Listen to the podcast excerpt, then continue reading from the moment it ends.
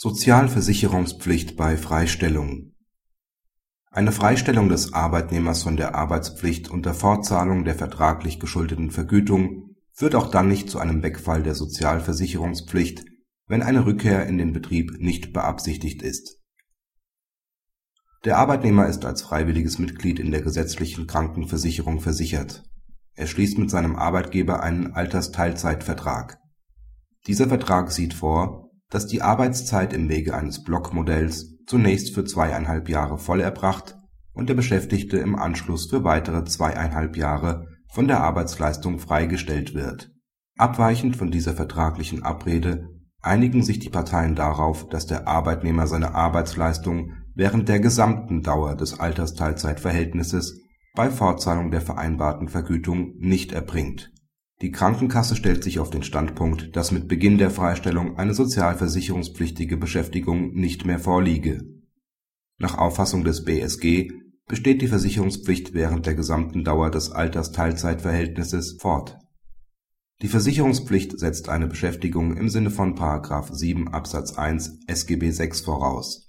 Darunter fällt jede nicht selbstständige Arbeit, insbesondere in einem Arbeitsverhältnis das Gesetz fordert zwar den tatsächlichen Vollzug eines entsprechenden Rechtsverhältnisses, der normalerweise in der realen Erbringung der versprochenen Dienste liegt. Allerdings kann der Vollzug ausnahmsweise auch durch andere Umstände ersetzt werden.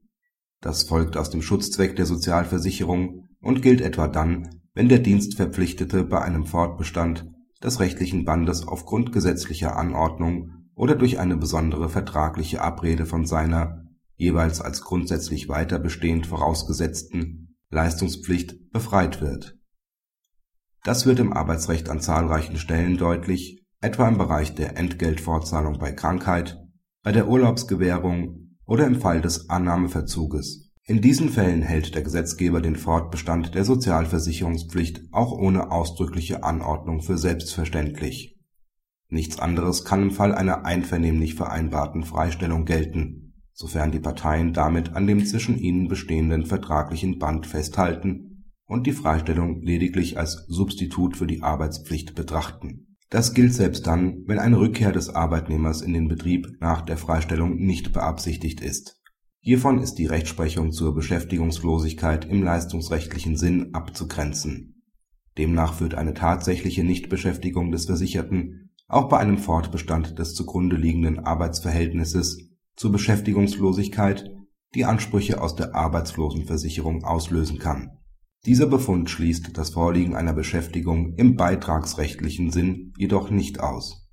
Praxishinweis Die Entscheidung führt für alle Praktiker zu großer Erleichterung, denn die von den Sozialversicherungsverbänden unlängst vertretene Auffassung, dass eine sozialversicherungspflichtige Beschäftigung jedenfalls bei einer vereinbarten unwiderruflichen Freistellung endet ist danach nicht länger haltbar. In seiner Begründung differenziert das BSG zwar nicht ausdrücklich zwischen widerruflichen und unwiderruflichen Freistellungen, dem der Entscheidung zugrunde liegenden Altersteilzeitvertrag ist allerdings immanent, dass die Beschäftigung in der Freistellungsphase endgültig aufgegeben wird und der Arbeitgeber eine Rückkehr in den Betrieb nicht erzwingen kann. Somit können in gerichtlichen oder außergerichtlichen Vergleichen bzw. Aufhebungsverträgen wieder ohne Bedenken Freistellungen jeder Art vereinbart werden, ohne dass sich dieser Umstand auf den Fortbestand des sozialversicherungsrechtlichen Beschäftigungsverhältnisses auswirken würde